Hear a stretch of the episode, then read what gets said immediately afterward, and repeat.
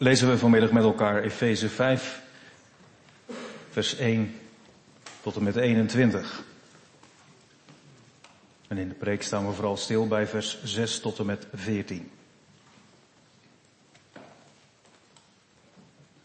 Efeze 5, we lezen met elkaar vers 1 tot en met 21. Wees dan navolgers van God als geliefde kinderen en wandel in de liefde zoals ook Christus ons lief gehad heeft en zichzelf voor ons heeft overgegeven als een offergave en een slachtoffer tot een aangename geur voor God.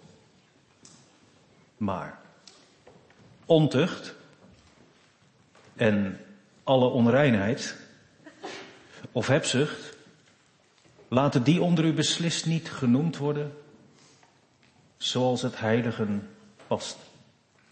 En evenmin oneerbaarheid, dwaze praat en lichtzinnige taal die onbehoorlijk zijn. Maar veel meer past dankzegging. Want dit moet u weten, dat geen enkele ontuchtpleger, onreine of hebzuchtige, die een afgodendienaar is, een erfdeel heeft in het koninkrijk van Christus en van God. Laat niemand u misleiden met inhoudsloze woorden, want om deze dingen komt de toren van God over de kinderen van de ongehoorzaamheid. Wees dan hun metgezellen niet, want u was voorheen duisternis, maar nu bent u licht in de Here. Wandel als kinderen van het licht. Want de vrucht van de geest, in andere handschriften staat, want de vrucht van het licht, bestaat in alle goedheid en rechtvaardigheid en waarheid. En beproef wat de Heere wel behagelijk is. En neem niet deel aan de onvruchtbare werken van de duisternis, maar ontmasker ze veel eer. Want wat heimelijk door hen gedaan wordt, is te schandelijk om zelfs maar te vertellen. Maar al deze dingen komen openbaar als ze door het licht ontmaskerd worden. Want al wat openbaar maakt, is licht. Daarom zegt hij, ontwaak, u die slaapt, en sta op uit de doden, en Christus zal over u lichten. Let er dan op dat u nauwgezet wandelt, niet als dwazen, maar als wijze, en buit de geschikte tijd uit, omdat de dagen vol kwaad zijn. Wees daarom niet onverstandig, maar begrijp wat de wil van de Heer is. En word niet dronken van wijn, waarin losbandigheid is, maar word vervuld met de geest. En spreek onder elkaar met psalmen, lofzangen en geestelijke liederen. En zing voor de Heere en loof hem in uw hart. En dank altijd voor alle dingen God en de Vader. In de naam van onze Heer Jezus Christus. Wees elkaar onderdanig in de vreze Gods. Tot zover de lezing van het woord. Gasten in ons midden, vorige week uh, hebben we met elkaar stilgestaan bij vers 1 tot en met 5 van Efeze 5. En vanmiddag vervolgen we het onderwijs in dit hoofdstuk vanaf vers 6 tot en met 14, zoals gezegd. En laten we die woorden nog eens rustig en met aandacht lezen als uitgangspunt voor de preek. Efeze 5 vers 6 tot en met 14. Laat niemand u misleiden met inhoudsloze woorden, want om deze dingen komt de toren van God over de kinderen van de ongehoorzaamheid. Wees dan hun metgezellen niet, want u was voorheen duisternis, maar nu bent u licht in de Here. Wandel als kinderen van het licht. Dan komt er een tussenzinnetje, want de vrucht van het licht of de vrucht van de geest bestaat in alle goedheid en rechtvaardigheid en waarheid. Dan het vervolg, het betoog, vers 10. En beproef, onderzoek zou je ook mogen vertalen, wat de Heere wel behagelijk is. En neem niet deel aan de onvruchtbare werken van de duisternis, maar ontmasker ze veel eer. Want wat heimelijk door hen gedaan wordt, is te schandelijk om zelfs maar te vertellen. Maar al deze dingen komen openbaar als ze door het licht ontmaskerd worden. Want al wat openbaar maakt is licht. Daarom zegt hij, ontwaak u die slaapt en sta op uit de doden en Christus zal over u lichten. Tot zover vers 6 tot en met 14. En om een beetje structuur aan te brengen, gekozen voor een thema en vier punten. Het thema van de preek is, dat kan geen verrassing zijn. Wandel als kinderen van het licht. Wandel als kinderen van het licht. Vier aandachtspunten. Eén, laat je niet misleiden. Wat bedoelt Paulus daarmee? Dat begint hij mee in vers 6. Laat niemand u misleiden met inhoudsloze woorden. Waar moeten we aan denken? Laat je niet misleiden. Als kind van het licht. Twee, onderzoek wat de wil van de Heere is. Of de wil van God. Onderzoek wat de wil van de Heere is. Ten derde, ontmasker de duisternis. En tot slot, sta op en Christus zal over je lichten. Wandelen als kinderen van het licht. Eén, laat je niet misleiden. Twee, onderzoek wat Gods wil is. Drie, ontmasker de duisternis. Vier, sta op en Christus zal over je lichten. Geliefde gemeente, jong en oud, ik zoom nog even in op wat de kern was van vorige week, zondagmiddag. Vertelde u over vitamine D. Vitamine dankbaarheid. Dat is de remedie, dat is het wapen waarmee je geestelijk gezond blijft en geestelijk staande blijft. Als je leeft in een wereld vol van duisternis, van verzoeking.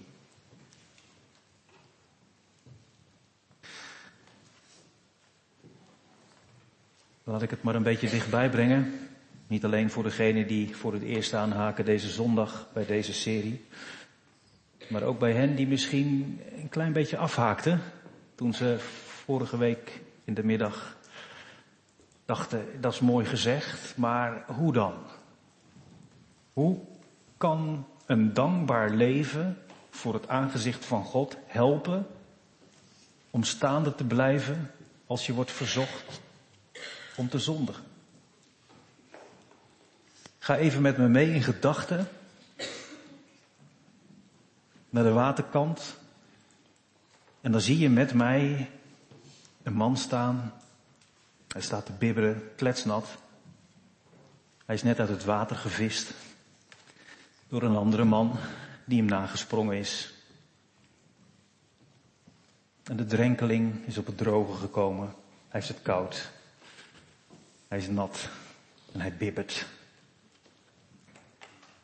Het enige wat die bibberend steeds maar herhaalt is, wie heeft mij gered? Waar is die? Waar is mijn redder? Waarom, jongelui, is dat een soort refrein wat maar herhaalt in zijn hoofd en wat uit zijn mond komt? Ja, hij heeft zijn leven aan die redder te danken.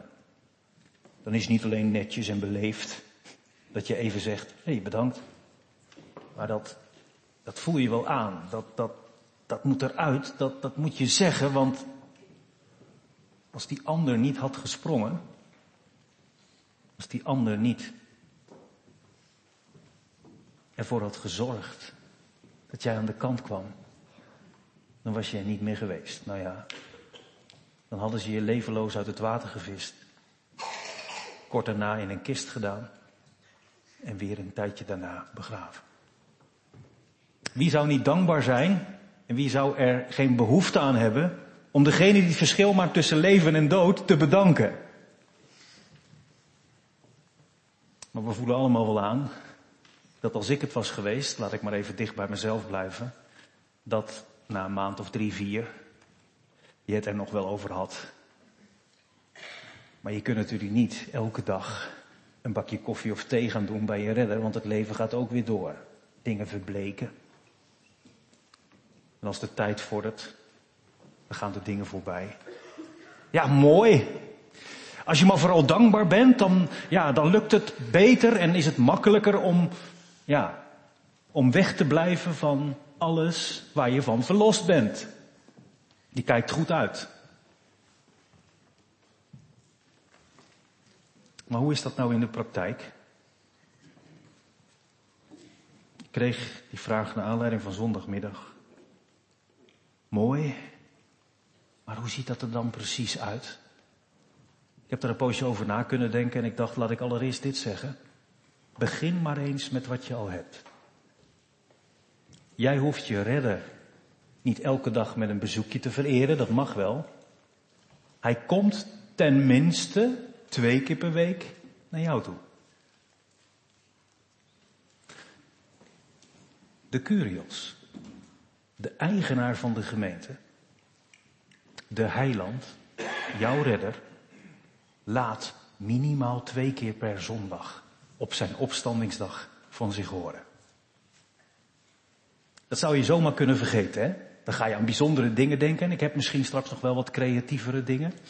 Maar is dit al niet een heerlijk getuigenis? Dat je als de gemeente samenkomt, naar hem toe mag gaan, naar hem die op je staat te wachten en je wil voeden en vullen met wat hij voor je heeft gedaan. In diezelfde lijn kun je denken aan wat je vindt van hem in het woord. Hoe zou je staande blijven? Hoe zou je kunnen blijven denken aan dankbaarheid als je je Bijbel dichtlaat? Tot zover niet iets spannends, hè? Maar laat het alstublieft niet gemist worden. Dat wat we al hebben. Dat wat we misschien van kinds af aan al gewend zijn om te doen. Het bezoeken van de diensten. Het lezen van het woord. Het spreken met je verlosser in het gebed. Maar er is natuurlijk wel meer. Hoe voorkom je dat je vergeet dat je bent gered? Hoe kun je die dankbaarheid praktisch, concreet voeden? Aan het einde van dit hoofdstuk komt Paulus er zelf al op. Als je doorleest, dat hebben we samen gedaan, tot en met vers 21, dan kom je die prachtige oproep tegen. Spreek onder elkaar met psalmen, lofzangen en geestelijke liederen. En zing voor de Heere. En loof Hem in uw hart. Dat mag met oortjes in. Dat mag achter het stuur van je auto. Persoonlijk meezingen. Zet hem maar goed hard. De duivel is niet doof. Dat weet ik ook wel. Dus als je hem zachtjes doet, hoort hij het ook. Maar hij gaat er wel voor op de vlucht. Zingen is twee keer bidden. Je mag dat samen doen. In ieder geval, let erop, als ik probeer Paulus antwoord te laten geven, zoek het niet in de meest creatieve dingen, maar zoek het dicht bij huis, wat er al is. Samen de lof op de Heere zingen. Zingen van Hem, God heb ik lief. Want die getrouwe Heer hoort mijn stem. Hij is al mijn liefde waardig. Wat zal ik, ja dat zegt David zelfs, wat zal ik overladen door Gods genade bewijzen, Hem teruggeven in dankbaarheid. Een dankbaar leven, een leven vol dankzegging. Heeft de structuur en orde nodig. Het komt je nooit aanwaaien. Maar je mag er gebruik van maken. Wat God je geeft. het tweede, wat je de aanleiding van de vorige keer misschien toch wat ongemakkelijk heeft gemaakt, is, ik zei het maar in een bijzin, maar toch, misschien bespringt die gedachte je ook wel eens, doe ik niet te snel een zonde vanuit de gedachte, achteraf kan ik er wel vergeving over vragen. Je wilt niet zondigen. En toch, kan het je zomaar bespringen, ben ik dan wel een echte gelovige? Als je leeft vanuit de dankbaarheid, dan moet de zonde toch geen vat meer op je hebben? Nou, vanuit die vraag vliegen we vers 6 aan. En gaan we eens luisteren dat Paulus nog niet klaar is.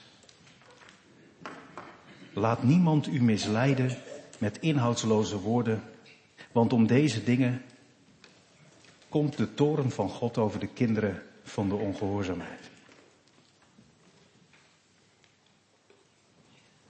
Laat je niet misleiden. Dat zegt Paulus tegen kinderen van het licht. Hoor je dat? Dat zegt hij niet tegen de werkers van de ongehoorzaamheid en van de duisternis. Dat zegt hij tegen kinderen van het licht. Die waarschuwing is dus blijkbaar niet onterecht. Als je tot geloof gekomen bent en je leeft in het licht, dan lokt de duisternis. En er zijn er altijd weer mensen in de gemeente en buiten de gemeente die je proberen met allerlei inhoudsloze woorden die gedachten maar aan te leren. Uiteindelijk valt het dus wel mee. Je bent toch gered? Nou, zo so be het. Dan komt het goed. Zeker. Maar is dat de grondhouding van een christen? Nee, niet. Afgelopen week beluisterde ik een preek van een collega over dit gedeelte. En de reden waarom ik dacht dat het goed was om eens te luisteren hoe een ander over deze stof spreekte, is dat ik letterlijk dacht, ik voel me soms een beetje een zeurpiet vanaf de kansel naar de gemeente. En halverwege die preek zei die collega letterlijk, Geliefde gemeente, ik voel me eigenlijk sinds deze serie over Efeze langzamerhand een zeurpiet worden. Ik zie u zo een beetje terugkijken van, er komt hij weer aan. Ik word er moe van. We zijn, we zijn wel in Christus, maar we zijn toch niet volmaakt. En, en laat u niet misleiden met inhoudsloze woorden. Ja, mag je dan helemaal niks meer?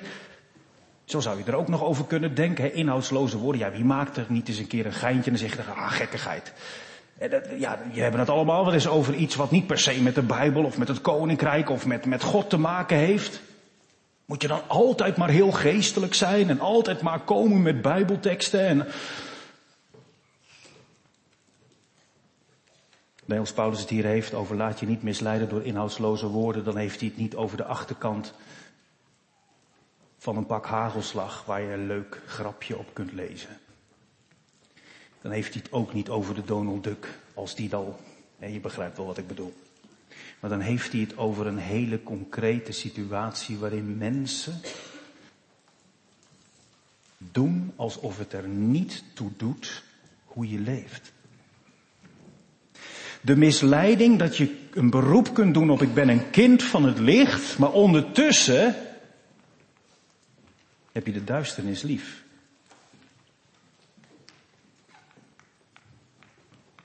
Het is nogal wat, hè, wat hij als conclusie trekt aan het einde van vers 6. Je moet je niet laten misleiden door mensen die doen alsof het er niet toe doet hoe je leeft. Je moet je niet laten misleiden door mensen die doen alsof zonde nou eenmaal, ja, niet zoveel meer voorstelt als je gered bent. Integendeel, want om deze dingen komt het toe. Auw. Komt de toren van God over de kinderen van de ongehoorzaamheid.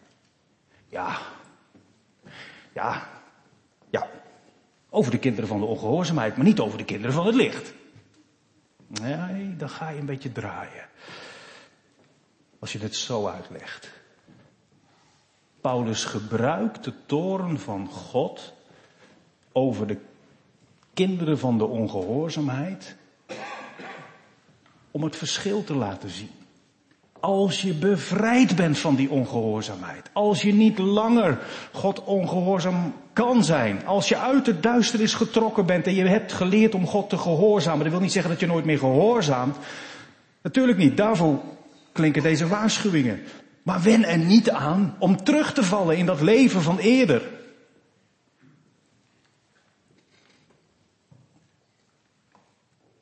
Want Gods toorn duldt geen leven dat de duisternis koestert. Ik heb een eerlijke vraag voor u. Hoe wezenlijk is die toren van God voor u? Als je terugdenkt aan wat je hebt gedaan en gelaten. Ik verkondig u van heler harte het allerliefst de liefde van God. En ik ben er van heler harte van overtuigd dat dat de kern van het evangelie is. Maar daarbij zeg ik, als zijn toren daarnaast verbleekt en geen functie meer heeft, wat heeft zijn liefde dan nog te zeggen?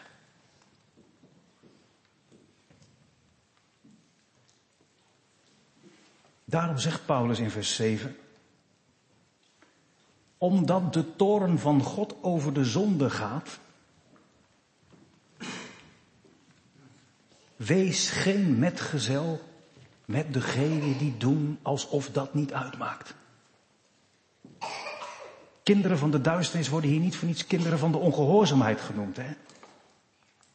Dat wil niet zeggen dat iemand, ja ik ben nou eenmaal duister geboren, ik heb een zwart hart, dominee. Ja, dat is nu eenmaal zo. Ik kan er ook niks aan doen totdat God me bekeert en dan, dan wordt alles anders en dan wordt alles licht. Maar nee, dan zou je nog kunnen denken dat is heel passief. Ja, we zijn nu eenmaal zo. We zijn geneigd om God en onze naasten te haten. Ja, maar dat is wel een daad. Dat is niet iets wat je overkomt. Ongehoorzaamheid is een reactie op iets. Je hoort het evangelie en je zegt nee. God zegt rechtsaf.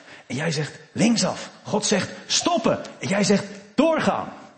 Dat is een leven in ongehoorzaamheid. Daar komt Gods toorn overheen. Dat kan niet anders, want hij duldt het niet dat zijn schepsel naar de verdoemenis gaat. Hij wil niet dat mensen verloren gaan. Daar heeft hij helemaal geen verlangen in. Zijn verlangen is dat je voor zijn aangezicht leeft. Dat je de vreugde van hem en zijn dienst binnenkomt. Dat je de liefde in je hart ziet en voelt ontvlammen voor Hem en dat je als een kind voor zijn aangezicht leeft, dan kun je geen maatjes zijn met mensen die zeggen, daar heb ik lak aan.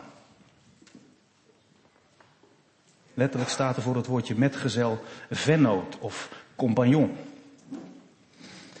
Doe geen zaken met hen die de zonde verdoezelen en de zaken omdraaien. Is dat nou echt een boodschap, Paulus, voor een gemeente die je aanspreekt als geliefde kinderen?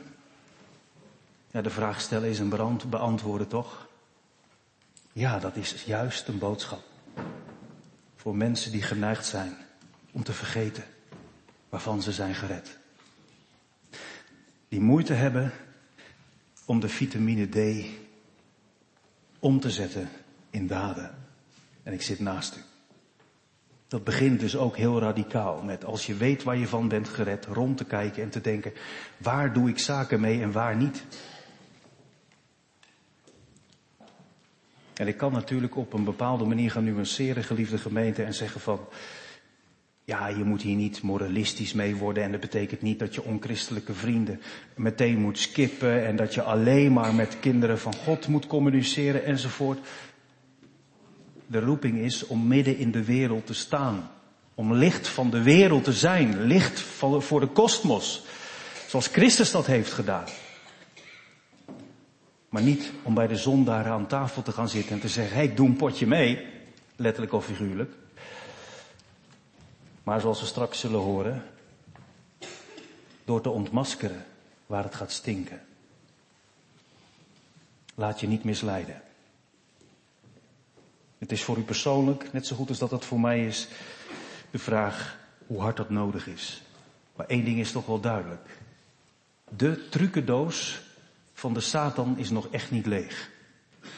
In iedere tijd, de eeuwen door, heeft hij middelen en mensen gebruikt om in te zetten. Om ervoor te zorgen dat de dingen zoals die heet, diabolos, op zijn kop gaan en door de war worden gegooid de orde van God, de inzettingen van God, husselen door elkaar en op een gegeven moment krijg je aan het eind, als je het allemaal door de trechterstand, een soort mengelmoes van, ja, dan kan iedereen zich erin vinden. Is dat het leven van de christelijke gemeente?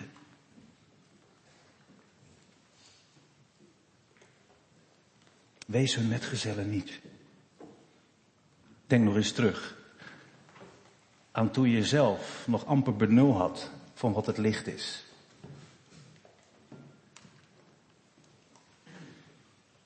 Toen je kon zondigen zonder te janken. Toen je er plezier in had om je eigen ik te volgen. Toen je God alleen nodig had als eerste hulp bij ongelukken. Wil je daar naar terug? Dat kan toch niet? Leg dat nou eens naast het leven wat je hebt ontvangen. Het leven in het licht met God. Sterker nog, je leefde toen niet alleen in de duisternis, je was het. En je leeft sindsdien, toen God in je leven kwam, niet in het licht, je bent het. Dat is het verschil. Het licht is in je gekomen. Zie je het verschil dan niet? Ja toch. Dat is de reden waarom Paulus er hierover begint. Het gaat er niet om dat je het beste jongetje van de klas moet willen zijn. Maar dat je opademt in de ruimte en de vrijheid die God je helemaal gunt en geeft. Daarom is er ook zijn toren. Kind, je weet nog niet half wat ik je heb gegeven. Leef niet zo zuinigjes. Laat je kopje niet te snel hangen naar de flirtpartijen van de Satan. Maar kom naar mij. Geef je liefde helemaal ongedeeld aan mij zoals ik het aan jou heb gegeven. Daar knap je van op. Wandelen als kinderen van het licht. Dat is toch zo of niet? De ene heeft in veel meer uitbrekende zonde geleefd dan de ander. Sommige kinderen of sommige volwassenen zeggen ik heb de Heer al van jongs af aangediend. Die kunnen zich een leven in de duisternis soms amper voorstellen. Ik ben zo jaloers op die mensen. Maar er zijn er ook veel in de kerk die weten wel wat het is. Dat je leefde los van God. En je kon misschien nog wel een preek beoordelen en je ging gewoon naar de kerk. Maar ondertussen, wat er allemaal niet passeerde, tussen je oren, in de weekenden, wat je keek, wat je met je vrienden of vriendinnen besprak. Duisternis. En het is altijd wakker worden met een kater. Of niet? Wat stelt dat leven nou eigenlijk helemaal voor bij het leven wat je hebt leren kennen? Toen Jezus zei, ga heen en zondig niet meer. Sta op en wees niet bevreesd. Volg mij. Wandel niet meer in de duisternis. Volg mij in het licht. En je besefte dat hij zijn handen liet doorboren en zijn voeten. Dat zijn hart voor jou brak aan een kruis. En je snapte toen, als nooit tevoren, als dat niet was gebeurd, was ik doorgegaan. Maar hij is in mijn leven gekomen. Hij is aan tafel gaan zitten. Hij heeft mij aangezien, mij aangesproken. En ik ben hem nagevolgd. Wat een remedie. Laat je niet misleiden door de glitter en de glamour van de Satan. Maar laat je leiden door het bloed en de genade van Jezus Christus. En, ja, besef dat je daarbij echt iets in handen hebt gekregen. Dat is dat tussenzinnetje in vers 9.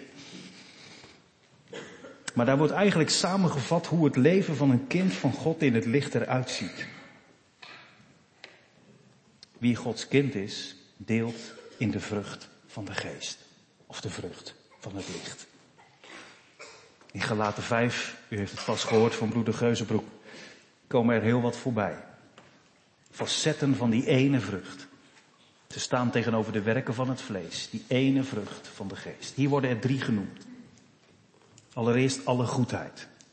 Dat wil niet zeggen goeieheid, zachtmoedigheid, maar iets wat zedelijk goed is. Hè? Dus alle vormen van goedheid die, ja, die te maken hebben met wie God is. Zoals je God hebt leren kennen, weet je wat goed is. Dan snap je dat liegen niet alleen maar iets is wat nou eenmaal niet mag, maar wat indruist tegen het wezen van God tegen het wezen van de liefde. Wie liegt, die breekt vertrouwen. Goedheid. Maar ook rechtvaardigheid. Vanuit de grond al het karaktereigenschap van God. Zijn goede wil, die gericht is op de juiste verhouding onderling. Niets verzwijgen. De waarheid spreken. Er voor elkaar zijn. Niet alleen als het even mee zit, maar ook als het tegen zit. Kunnen vergeven. Waarschuwingen en vermaningen kunnen accepteren. En waarheid. Dat wil zeggen betrouwbaarheid in woord en daad. Mooi hè, dat hier dan wel wordt genoemd dat dat allereerst de vrucht van het licht van de geest is. Wie in dat licht gaat wandelen, wie door dat licht wordt overweldigd, die ontvangt het. En die mag het uitpakken. Dat is niet alleen maar eigen prestatie. Dat zijn die goede werken die van eeuwigheid al klaar liggen, Efeze 2. En dan een tweede gedachte. Als je wandelt als kind van het licht,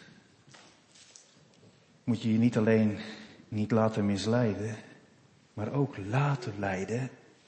En dat gaat door te onderzoeken wat de Heere wel behagelijk is. Vers 10. Beproef wat de Heere wel behagelijk is.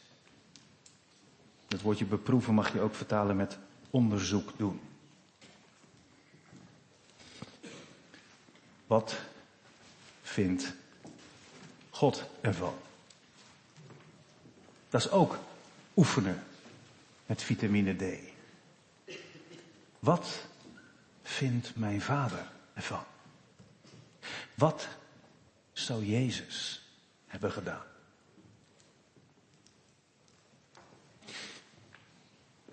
Dat klinkt misschien gemakkelijk en ook bekend. En je zou een polsbandje kunnen kopen als je het nog niet hebt. Wat moet Jezus doen? Maar de praktijk, hè? De praktijk vraagt dan wel om hem helemaal te vertrouwen. Eén, twee, om hem ook helemaal te kennen. Want om de vraag te beantwoorden, wat zou Jezus hebben gedaan?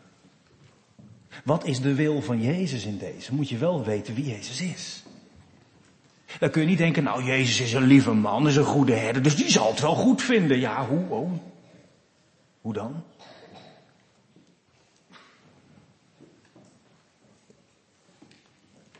Heeft u Jezus wel eens uitspraken horen doen over echtscheiding?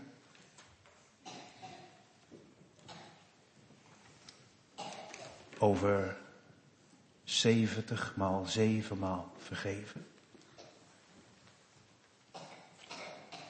Wat is God wel behagelijk? Wat is de wil van Jezus? Dan moet je ook Hem wel kennen. En daarom is het zo belangrijk om te lezen in de Bijbel.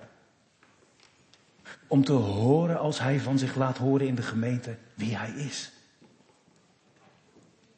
Als je als kind van het licht wandelt, mag je steeds weer vragen, Heere, wat zou u hebben gedaan? Onderzoek dat. Als je tot geloof komt, dan krijg je niet ineens een overlevingspakket ineens in je rugzak. God geeft genoeg om de eindstreep te halen. Maar hij roept je ook op om te onderzoeken.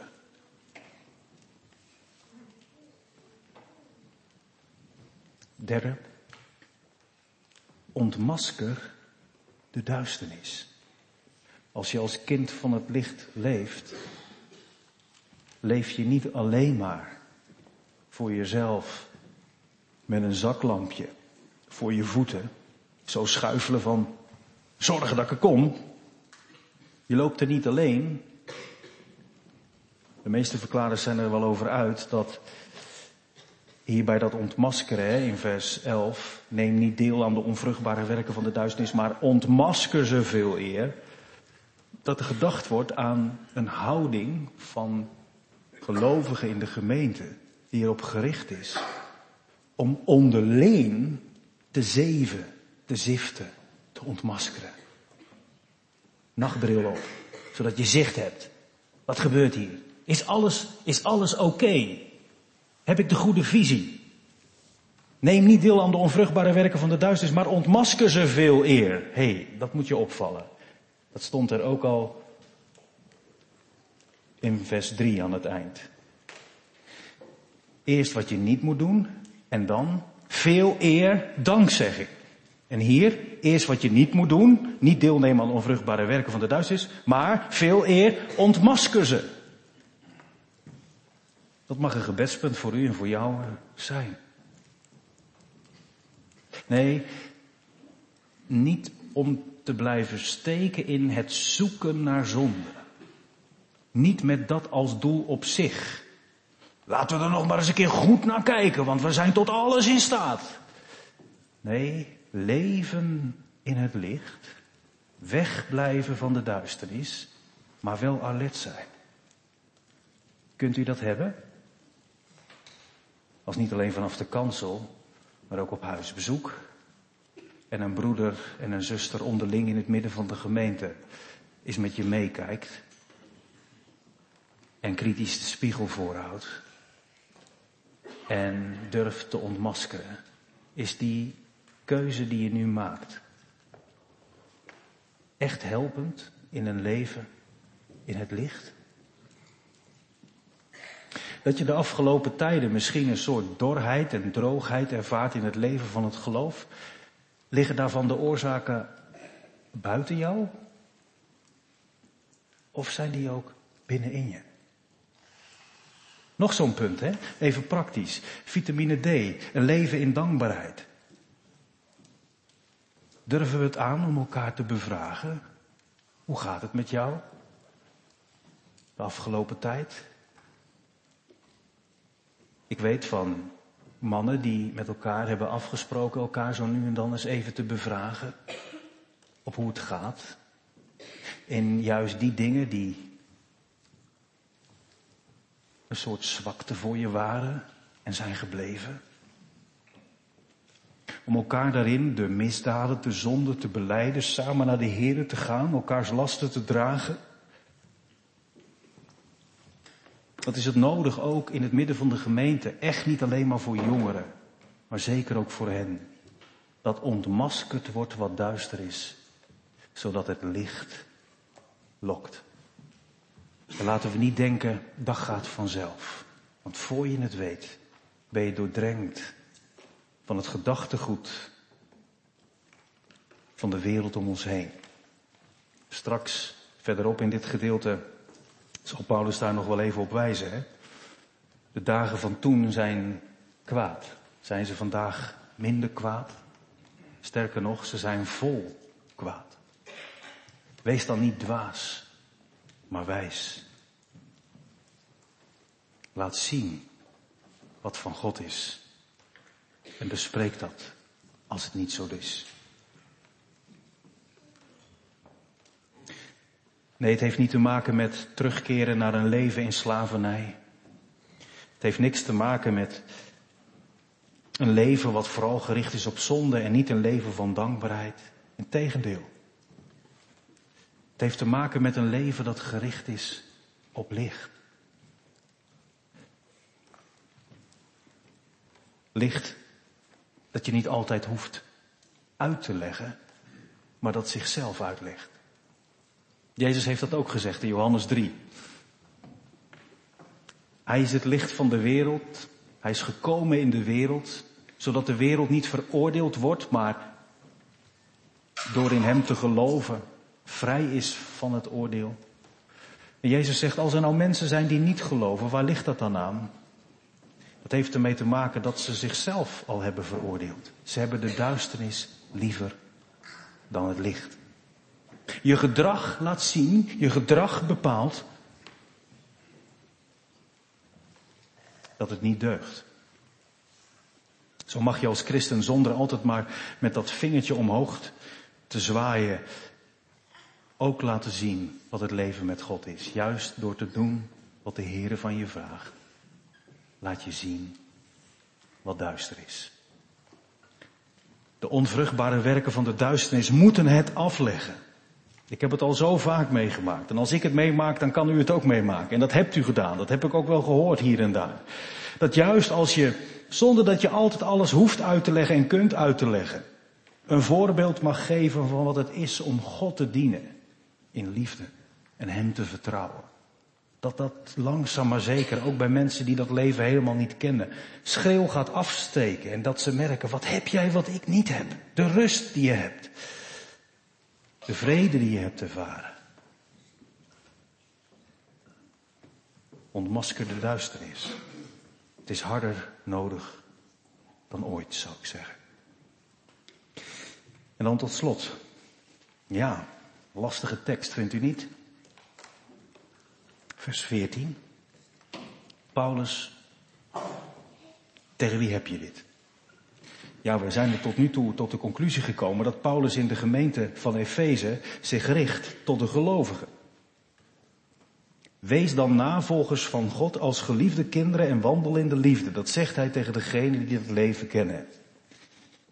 Wat bedoelt hij dan als hij zegt, ontwaakt u die slaapt en sta op uit de dood? Dat zijn ze toch al opgestaan uit de dood?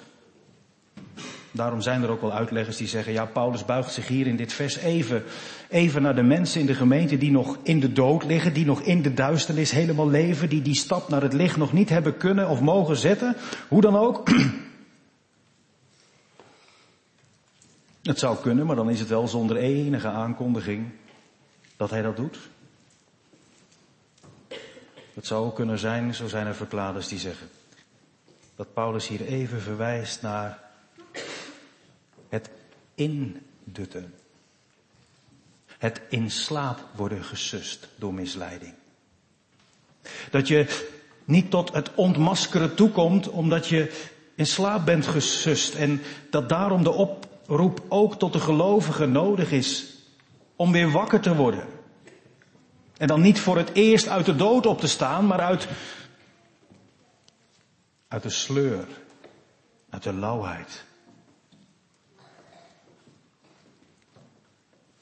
Sta op. Vanmorgen horen we, sta op en wees niet bevreesd. Vanmiddag hoort u, sta op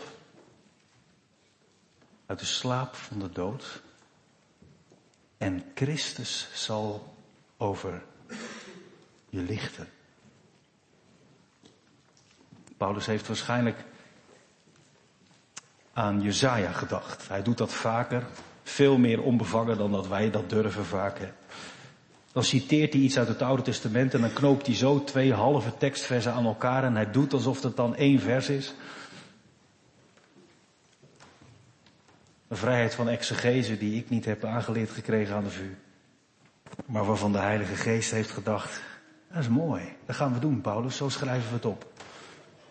Vers 14 is waarschijnlijk een samengesteld citaat uit Jesaja 26, vers 19.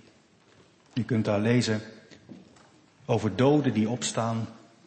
En Jesaja 60, vers 1, waar wordt gezegd, sta op en de heerlijkheid van de Heere gaat over u op. Dus opstaan uit de dood en het licht van de Heere daaroverheen dat schijnt. Nou zegt Paulus, zo is dat ook in het leven, in het licht met Jezus. Als je wandelt in het licht met Jezus. En je staat iedere keer weer opnieuw op. Dan zal Hij over je lichten. Ik zei aan het begin van de preek. Hoe kun je nou zorgen dat je vitamine D op peil blijft? Door tenminste te komen daar waar Jezus op je wacht. In het midden van de gemeente. In de samenkomst. Op de opstandingsdag van Hem. Maar ook als je tot Hem nadert in het gebed. Ook als je stapt in de lichtkring van Zijn aanwezigheid. Als je van Hem zingt. Christus zal over je lichten. Die twee dingen, hè? Sta op. Stap naar voren. Stap in het licht. Het licht dat nooit is weg geweest. Mooi is dat, hè? Dat licht waarvan je soms wel eens denkt door de zonde die je doet, waar is het nu? Maar Christus gaat nooit weg, hè? Als hij bij je is gekomen, dan blijft hij. Als je zijn licht niet hebt gezien, dan komt dat je in het licht gaat staan. Dan sta je in zijn licht. Wat een zegen als dat licht weer over je heen valt. En dat je merkt, ja, ik wandel in het licht met Jezus. Ik sta er niet alleen voor. Als ik word verzocht tot zonde. Als ik merk hoe moeilijk het is om, om, om, om bij een bepaalde verslaving die eerder de macht over je had weg te blijven. Het licht van Hem ontmaskert. Het licht van Hem dat heelt. Hij is erbij.